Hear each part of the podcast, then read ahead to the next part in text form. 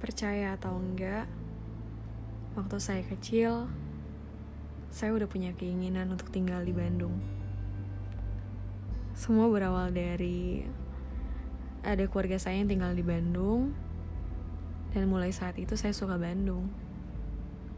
Namanya juga anak kecil, cepat suka dan cepat lupa. Itu tipikal saya waktu itu. Saya juga gak ngerti apa yang dipikiran bocah itu bisa kepikiran mau tinggal di Bandung tuh saya nggak ngerti. Tapi ternyata keinginan saya didengar. Saya ada di Bandung sekarang. Dan mulai dewasa tuh di sini. Saya nggak pernah tahu apa rasanya hidup sendiri, walaupun ya masih ada saudara juga. Dulu tempat ini asing banget. Jalannya saya nggak tahu, nggak jarang saya juga suka nyasar. Sekarang malah jadi rumah kedua. Bandung jadi kota yang sampai jalan tikusnya pun saya tahu. Bukan karena saya suka keluyuran, tapi saya paling cepat inget jalan.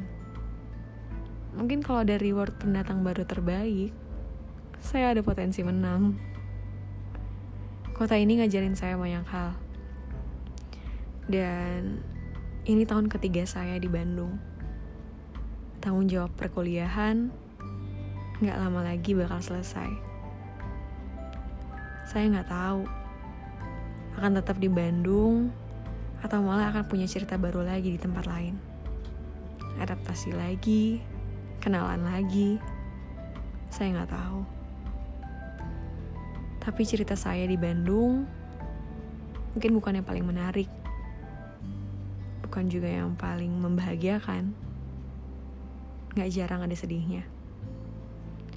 Bahkan kalau diputar lagi, saya tetap pilih Bandung kok. Dan ini cerita tadi. Kepikiran aja mau terima kasih sama tanah ini. Tempat yang ngajarin saya, ngebentuk saya, dan merubah saya. Bandung. Kalaupun saya udah gak di sini lagi, Sewaktu saya kembali, kamu tetap jadi rumah. Rumah paling ramah. Yang nantinya saya bakal kangen banget. Kamu akan jadi tempat sebaik-baiknya saya berpulang. Terima kasih ya. Terima kasih Bandung.